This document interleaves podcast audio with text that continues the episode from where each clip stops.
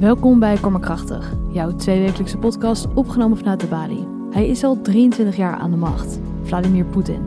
Nu het tweede jaar oorlog tegen Oekraïne ten einde loopt, reflecteert historicus en politiek wetenschapper Mark Galliotti op Poetins visie op de wereld en de ingrijpende veranderingen die de invasie teweeg heeft gebracht binnen de Russische politiek en militaire leiding. Mijn naam is Lindeen en eerst ga ik in gesprek met programmamaker Veronica Baas. Welkom Veronica, fijn dat je er bent. Ja, leuk om hier te zijn. Je organiseert regelmatig programma's over de oorlog in Oekraïne. Het was weer volle bak, hè? Ja, zeker. Galliotti heeft een goede fanschare. En dat snap ik ook heel goed, want hij is historicus en hij kan heel goed een brug slaan tussen de, de nitty-gritty on het slagveld en de kleine technische details en wat voor invloed welk type wapen heeft gehad. En aan de andere kant kan hij heel goed uitzoomen en echt het verhaal van Rusland vertellen. En daarbij uh, ja, heeft hij scherpe analyses. Dus ik was heel blij dat hij naar de Bali wilde komen. Kun je me iets vertellen over de laatste ontwikkeling in Oekraïne? Ja, het was grappig toen Galliotti dus bij ons was, had hij net de dag daarvoor een artikel gepubliceerd waarin uh, schreef dat dit eigenlijk de beste maand was voor Poetin sinds het uitbreken van de oorlog. Hij zei er ook gelijk bij dat hij daar flink wat kritiek op gehad had. Maar uh, zijn analyse is in ieder geval: voor Poetin is het goed als er niet zo heel veel verandert aan het front. En voor Oekraïne, ja, die moeten het echt hebben van verandering. En zeker nu we aan het begin van de winter zitten, de eerste sneeuwstormen zijn al uitgebroken in Oekraïne. Dat betekent gewoon dat het nu toch weer de komende maanden weer redelijk bevroren ligt. Dat er weinig echte vooruitgang te boeken valt. Nou ja, Galiotti's analyse is dat Poetin deze oorlog echt probeert uit te zitten. Hij wacht erop. Hij denkt dat hij een langere adem heeft dan um, Europa en Amerika. En ja, voor hem is stilstand vooruitgang. En dat is voor Oekraïne echt niet het geval. Zij willen natuurlijk hun land terug, dus daarom is het urgent. Maar zij zijn ook bang voor tanende steun van hun bondgenoten in het Westen. Dus voor hen is het juist superbelangrijk om dat momentum van de oorlog gaande te houden. Laten we teruggaan naar het jaar 2000. Hoe kwam Poetin aan de macht? Hij was natuurlijk eerst KGB-officier. Na de val van de Sovjet-Unie is hij eh, eerst onderburgemeester geworden van Leningrad, wat toen op een gegeven moment meer Sint-Petersburg werd. En op een gegeven moment werd hij onder Boris Yeltsin een van zijn eerste ministers. Dus hij werd premier. Dat is ook het moment dat hij zich heel erg geprofileerd heeft op de Tsjetsjeense oorlog, die uh, op dat moment woedde, de Tweede Tsjetsjeense oorlog. En daarin ja, heeft hij zich echt bewezen en hij werd ook echt gezien als degene die een rebellie de kop ingedrukt heeft. Ja, zo heeft hij echt naam gemaakt en later is hij president geworden. Ja, de Tsjetsjeense oorlog, Galliotti stipt in zijn analyse ook de Georgische oorlog aan. Voor jonkies zoals ik, zou je me kort iets willen vertellen over beide oorlogen? Ja, ik denk dat het vanuit het Westen gezien heel verschillende oorlogen zijn. De Tsjetsjeense oorlogen waren namelijk binnenlandse conflicten. En uh, de Georgische oorlog was natuurlijk een soevereine staat die Rusland op een gegeven moment binnenviel.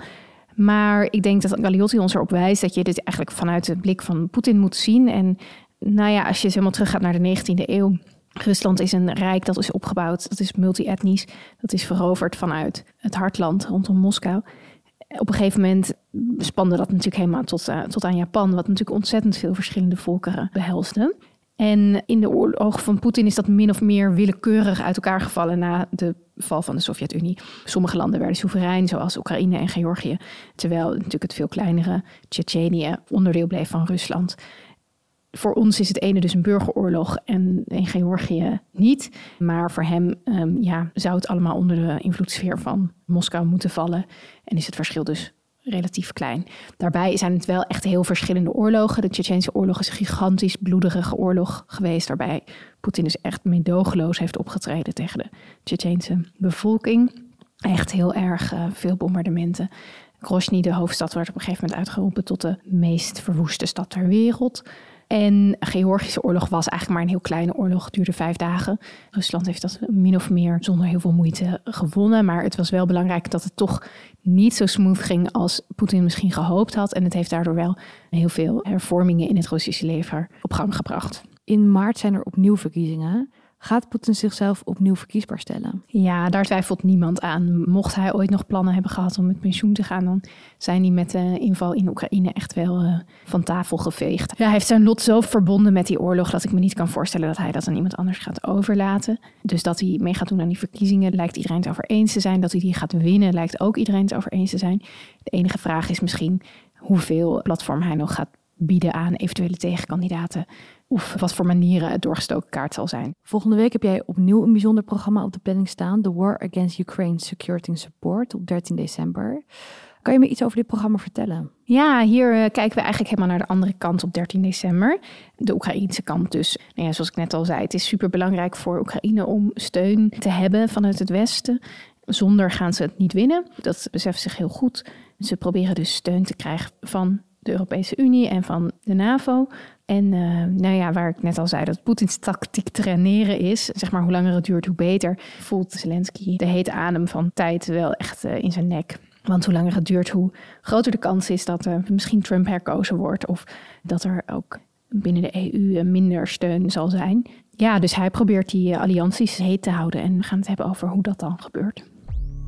Dankjewel, Veronica. Kaarten zijn te koop op www.debali.nl. En nu gaan we luisteren naar een analyse van historicus en politiek wetenschapper Mark Caliotti, gevolgd door een gesprek gemodereerd door Sophie Brute-Frans.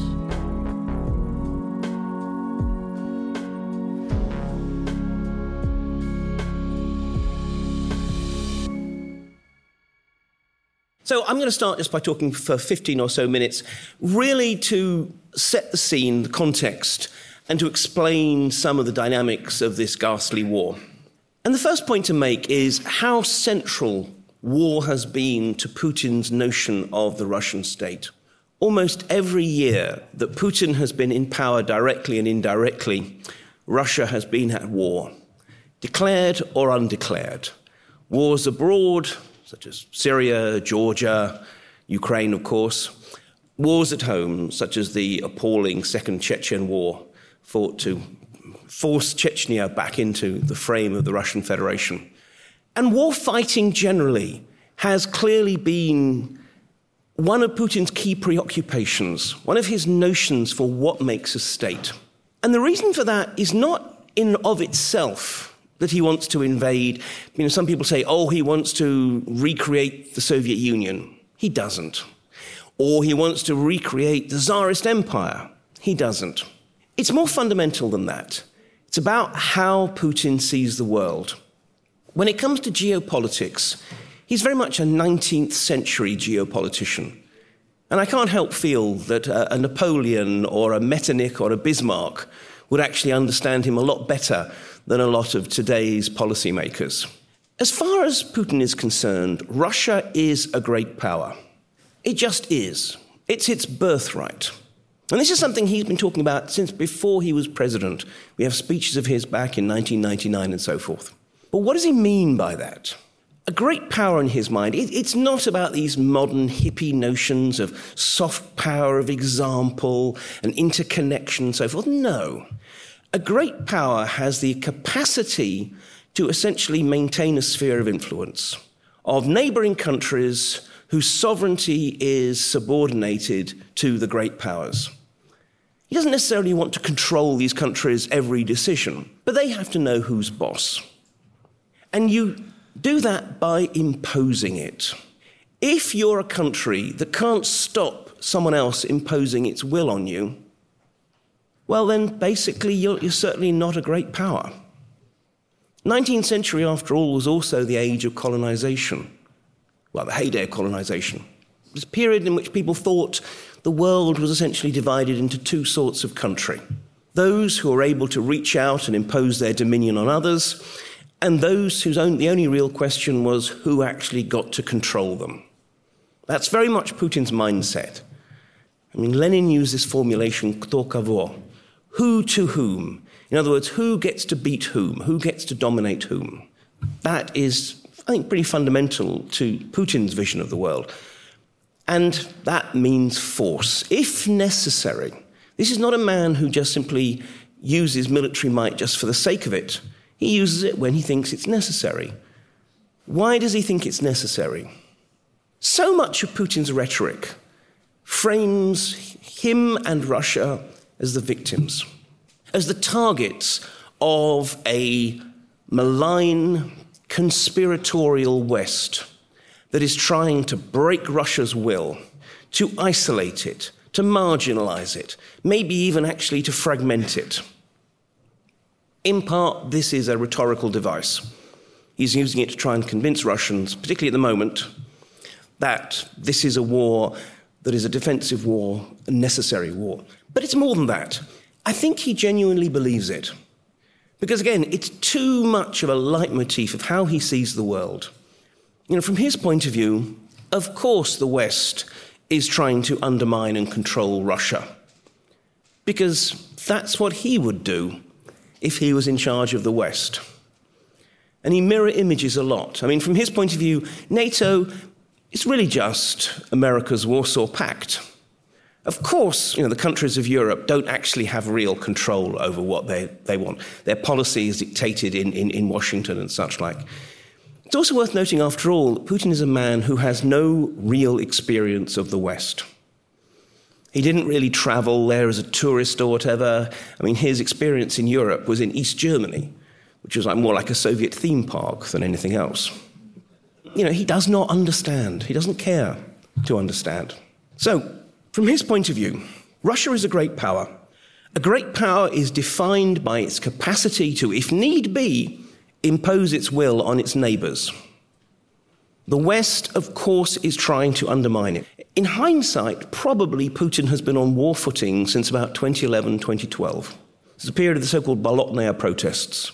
Massive protests, unprecedented in post Soviet Russia, took place in, you know, primarily in, in Moscow, essentially because people were tired of being taken for granted, of rigged elections, and the sense that Putin could just return to the presidency because of a deal he'd struck with his sort of sock puppet temporary stand in, Dmitry Medvedev. But as far as Putin was concerned, these were not natural organic protests. These clearly were, were made in Langley by the CIA. And actually, it's worth mentioning MI6. I mean, speaking as this a representative of, of the United Kingdom here, it is heartening to discover that if no one else thinks we matter, the Russians do. Um, and they still regard us as their most subtle and sophisticated antagonists. It makes me feel seen. So, as far as he's concerned, that was the point at which the West was coming for him. They tried that, you know, they, would had Arab Springs and colored revolutions in the post Soviet states, but now they're actually coming to Russia, trying to bring him down. So, in some ways, again, in hindsight, I think we, we see a, a trajectory that certainly goes back to that point. So, to this end, since he first became president, he has been dumping colossal amounts of money in his military and pushing a reform program that was at first quite halting, but after the rather lackluster performance of the Russian military in the war in Georgia in 2008, accelerated and, and became much, much more sort of effective. And it had its effects, it had its successes. We have to recognize the degree to which actually the Russian military had been seriously reforming. And we saw that in 2014, the annexation of Crimea, which was frankly a textbook special forces operation. It was weird that so much of the sort of coverage at the time obsessed about things like these Russian special forces, they have knee pads. Well, it was because when they were saying about that, knee pads have become something of a fixture of you know, forces, generally troops, especially special forces in the West. What they were really saying was hang on, these Russian troops, you know, beyond the slight difference in camouflage and the, which weapons they're carrying, they look quite a bit like ours. And here is an irony. Actually, especially since, um, well, especially since Georgia, but then the, the arrival of the, the current defense minister, Sergei Shoigu, in many ways, the Russian military was going through the same evolution that Western militaries have. Much less about the old Soviet model of you know, a great big mass army built to fight a great big mass industrial war on the plains of Western Europe, or not that they would really admit it, northern China. Instead, it was to create a, a smaller, more flexible, more specialist force that could fight intervention operations abroad. This is something that we did because we decided that actually wars are going to be fought in places like Afghanistan or whatever. Actually, as a result of that, two things happened. One, Putin became excessively impressed with the capacities of his own military. Remember, Putin is a man with no military experience whatsoever. Well, I say no meaningful military experience. When he was at university, at Leningrad State University, everyone had, to, you know, all students had to be in the, enrolled in the officer reserve. Now, you know, I've spoken to lots of people who were, you know, at university at the same time, and it was, unless you happened to be someone who wanted then to then have a career in the military, it was an absolute joke. You'd spend a few evenings snoozing while some bemedaled veteran of the Great Patriotic War told you about their military glories. You'd go and do a couple of weekends sort of camping out, basically exercises during the summer and such like, but no one cared. And the interesting thing is that when he left university and joined the KGB, Putin could have remained in the officer reserve. He was technically an artillery captain. But he didn't. He used the fact that he was in the KGB to, as soon as possible, end his military reserve status. So it's clearly this is not a man who particularly enjoyed the experience. So, although this is a man who can't walk past a tank or a fighter jet without jumping in for a photo opportunity in the cockpit, in practice, this is not a man who understands war. And if you talk to any military professional, they will say that it's not about tactics, it's not even about the equipment. It's about the boring things like logistics, morale, are your soldiers in the right place? Do they have a hot meal? Do they have somewhere they, they, they, they can sleep for the night? Things like that. But Putin was all obsessed with the teeth, not the tail. He was all obsessed with the fact that he suddenly thought he had this amazing military instrument that could do all kinds of things that could never have been done before. And Shoigu, who may not be a great defense minister, but by God, he's a good salesman, did nothing to disabuse him of that. This is not the way it works in the Russian system. You please the boss. You flatter the boss's prejudices. You tell him what he wants to hear. And that's exactly what Shoigu did. So Putin got the sense that he had this amazing military, when in fact he had a partially reformed military. But also, and this is the other irony, he had a military which was being precisely reformed away from the big war model into something that could fight these small, sharp, high tech interventions. And then he rolls into Ukraine and he finds himself fighting a big war. Arguably, he would have been in a better position to fight that war had he never tried to reform the Russian military. History is full of these wonderful little ironies. So, here we are. Let me just kind of wrap up by, by sort of saying how, how all this fits. Ukraine, from his point of view, was clearly part of Russia's sphere of influence, part of Moscow's patrimony, its historic land rights. And it had the audacity to think that it had the chance to make a choice and align itself with the West. Well, that could obviously not be allowed. And what's more, it clearly was not necessarily the will of the Ukrainian people. Of course not. This was another Western artifice this was about the West stealing Ukraine from Russia. So clearly something had to be done. And after the undeclared war in the Donbass had not done the job, he decided on military action. Military action which was not in any way the way that Russia's generals trained to fight.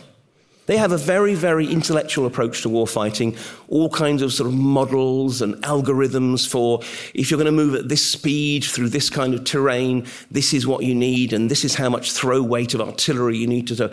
You know, I mean, basically, I, I sometimes feel that, that, that Russian officers need to be mathematicians as much as they need to be generals. None of that mattered. None of that was applied. Why were the Ukrainians so adamant until about 72 hours before the invasion? Despite what the Americans and the Brits were telling them, that the Russians were not going to invade?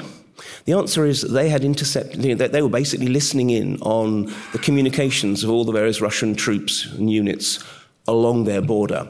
And they were listening to these colonels and generals who themselves were convinced that they weren't about to invade. And it was only about 72 hours when the orders started to arrive. And you had, particularly, the first ones were, were a bunch of paratroop commanders who kind of if you'll excuse my language, more or less, what the fuck is going on here? We haven't done any of the preparations. You know, this is not how we're meant to fight wars. This was Putin's war, though. It was driven by his assumptions about how the world works. It was driven by his assumptions about who the Ukrainians were and the fact that actually they were just being forced into something, and of course they weren't going to fight. It was driven by his and a handful of his cronies' notions about how you invade a country rather than how the Russian generals would do it. And so the irony is that actually, although this is Putin's war, given that my view is actually that the Ukraine will ultimately, not quickly and not easily, and not necessarily completely, but win, it will absolutely be because of Putin. This is Putin's war, and it will eventually be Putin's defeat. I'll stop there. Thank you very much.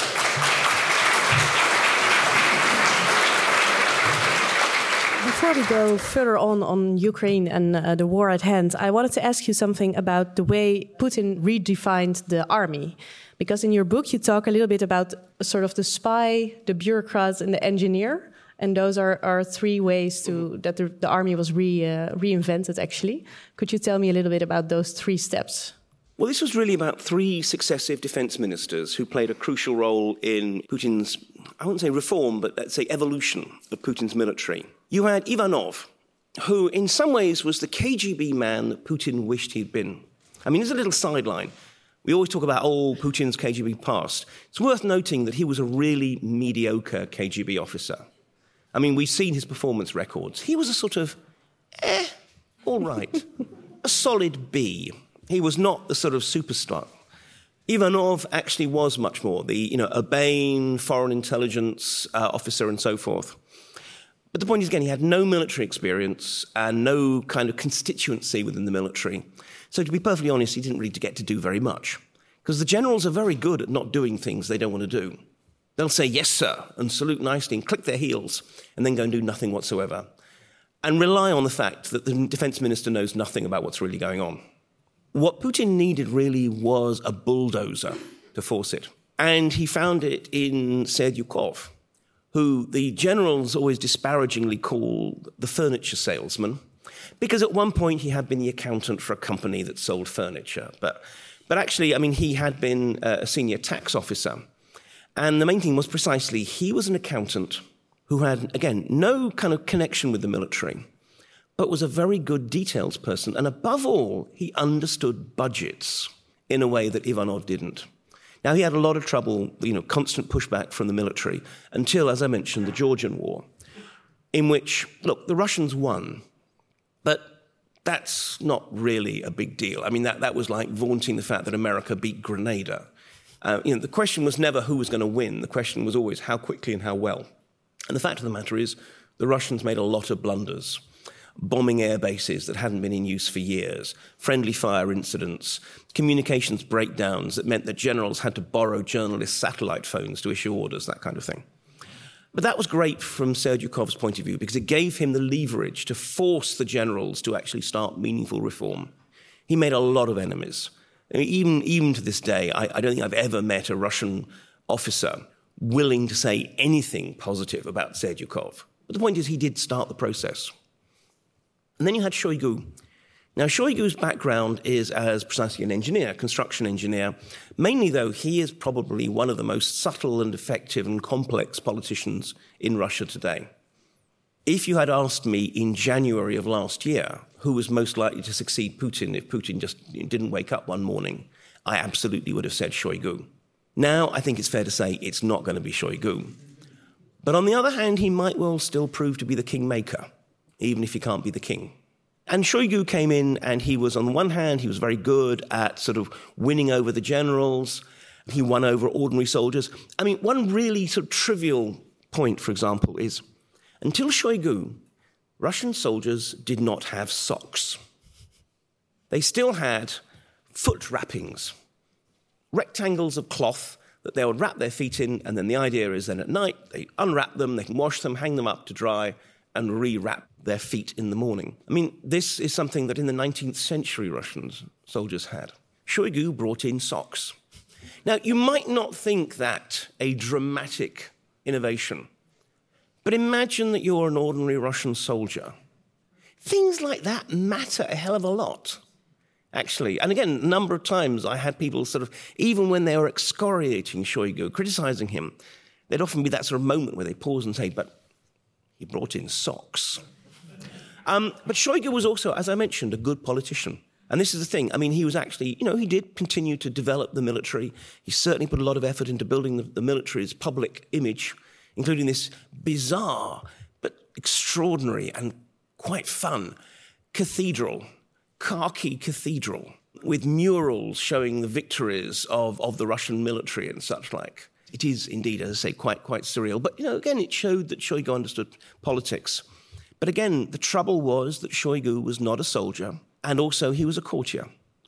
Ultimately, I mean, the greatest task, the greatest thing he could have done for Russia is if in February of last year, when Putin was saying we're going into Ukraine, he's probably one of the few people who might have been able to get away with saying, Vladimir Vladimirovich, it's not going to work out the way you want.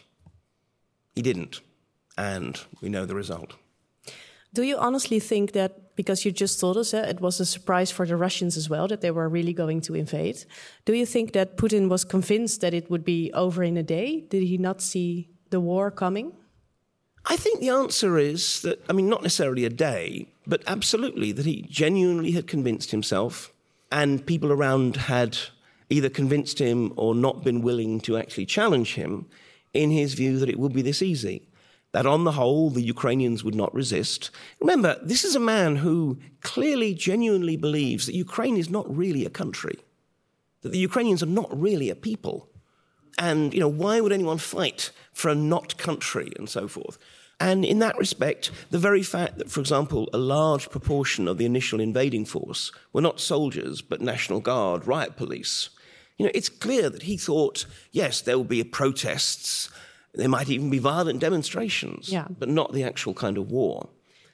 So the army that was equipped was more like a, a peace corps, maybe you could say? Well, it, it was precisely that, you know, he, he didn't actually send in all the troops that he needed. Look, again, going back to how the Russian generals were planning, I'm not going to go into the detail, though you will find more detail in my book. Um, but they have a very, again, as I said, an intellectual approach, and, and a war in Ukraine is, is clearly in what they, the category that they will consider to be a regional war. If they were going to fight a regional war, according to their own doctrine, First of all, they would have had a much larger force. I mean, you know, it's a large force, but remember, the Ukrainians were fully mobilized, whereas the Russians were not. Secondly, you would start with a massive, what they call a MRAW, a massed rocket aviation assault, where you basically try and blast every single military base, every runway, every arsenal. There was some preliminary bombardment, but nothing like that level. Because again, from Putin's point of view, why destroy the assets that are going to be yours in a couple of days or a couple of weeks' time? And then you would actually have a single, clearly defined command structure, which wasn't there. This was not how the Russians would fight that war. You also write about uh, how the circle around Putin is very positive to him, or not really says the truth. Is that also part, maybe, of the reason why it went wrong for Putin. Absolutely, it's part of the. Um, the sort of the, the, the karma. It's Putin's own system which, which, which let him down. Look, I remember back in, I think, I'm pretty sure it was 2015, sitting down in Moscow with a recently retired, moderately senior Russian spy who said, Look, we've learned you do not bring bad news to the Tsar's table. In other words, you don't tell Putin what he doesn't want to hear.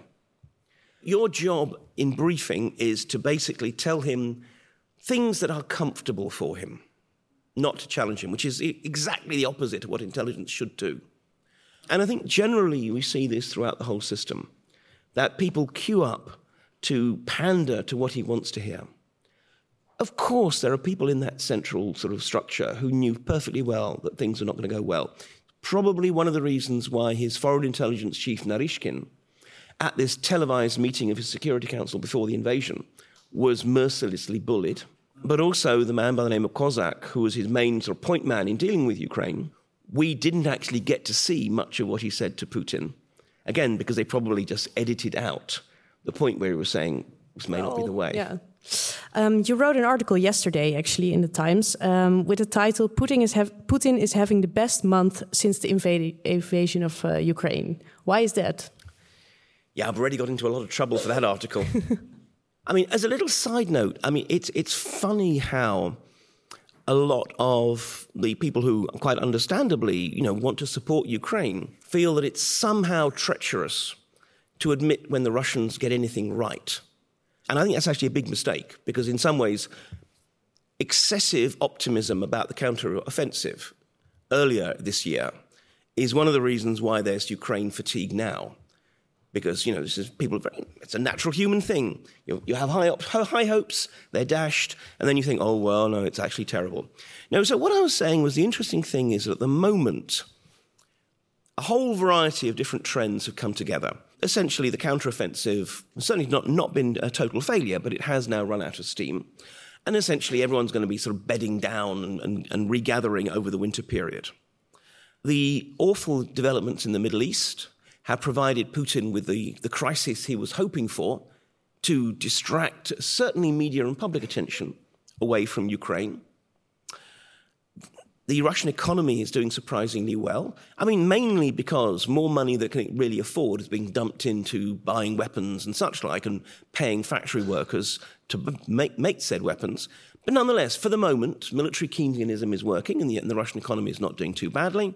And in the, and sort of the international system, there's no real, at the moment, head of steam for any kind of new initiatives against Russia. So, you know, at present, things are looking okay for him. Now, the corollary of that is things are going to get worse. I mean, m- many of these things are precisely temporary advantages. But for the moment, we just have to recognize that he's probably thinking things are okay because he's not, I think, anymore planning on winning this war on the battlefield. I mean, his best hope is that we in the West give up. We get divided, we get dispirited, and we no longer support Ukraine with the, let's be honest, billions of dollars, euros, and pounds that we spend every month in, in supporting Ukraine. And so, in a way, Putin wins by not losing. He reckons he just has to stay in the game. And sooner or later, we will give up, whether it's because of an election in the United States or something else and then he will be able to impose an ugly peace of some sort on Ukraine. So he wants to keep the status quo as it is, and that would mean winning for the time being. Exactly. I'm not saying that he would mind if he could take Avdiivka or, or whatever, but ultimately, absolutely. If, if in a year's time his battle lines are pretty much where they are now, he will have very reason, very every reason to feel happy. And Ukraine is, uh, of course, dependent on, on Europe for a lot of, of their weaponry, uh, also in the United States. And Russia is producing a lot of it themselves, right? Yes, I mean, obviously they're, they're, they're, getting you know, drones from Iran, ammunition from North Korea.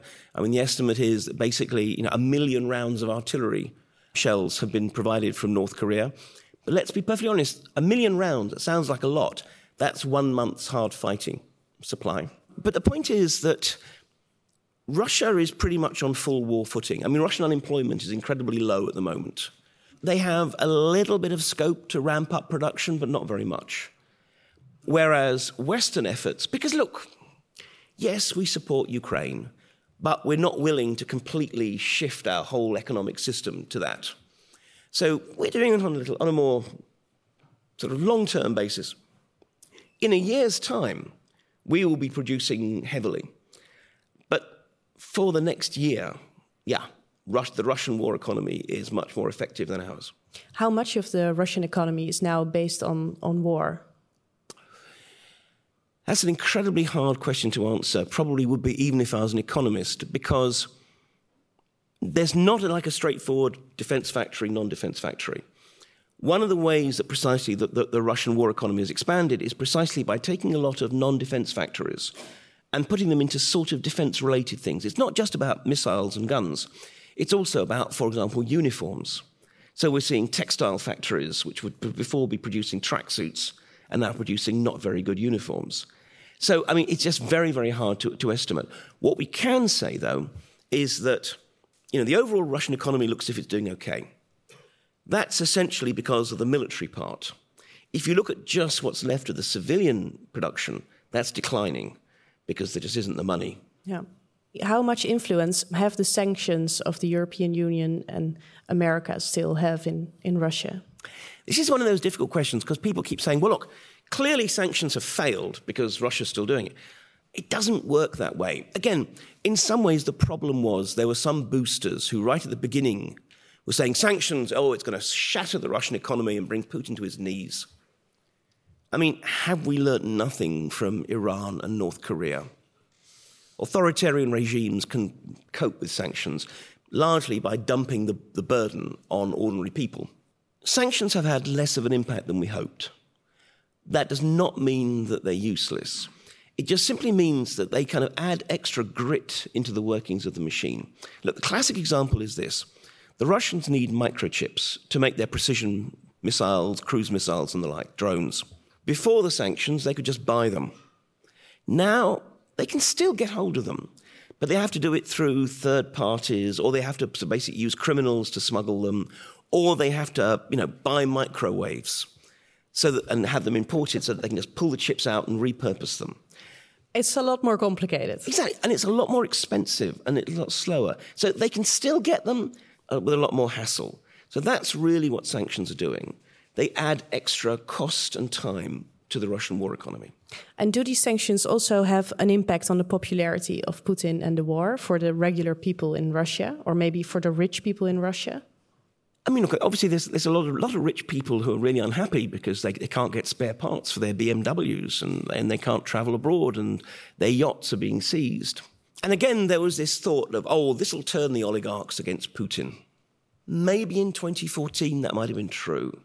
But now, look, so you're a rich guy, big deal.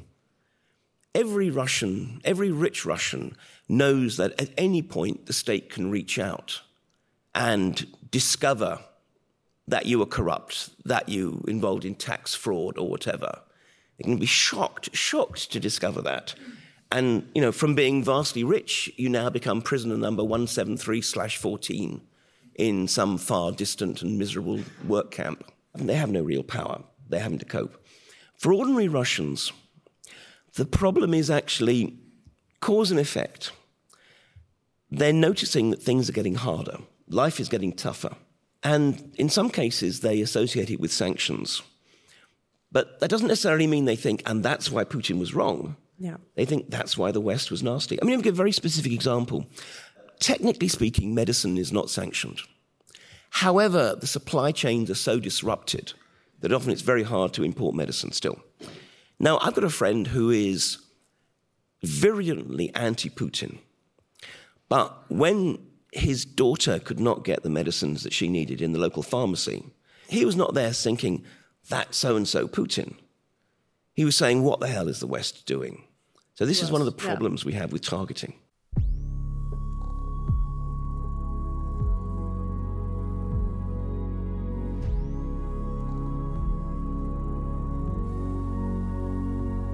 Wil jij nou live bij een van onze programma's zijn? Volg ons op de socials en houd onze website in de gaten voor nieuwe data. Tot de volgende.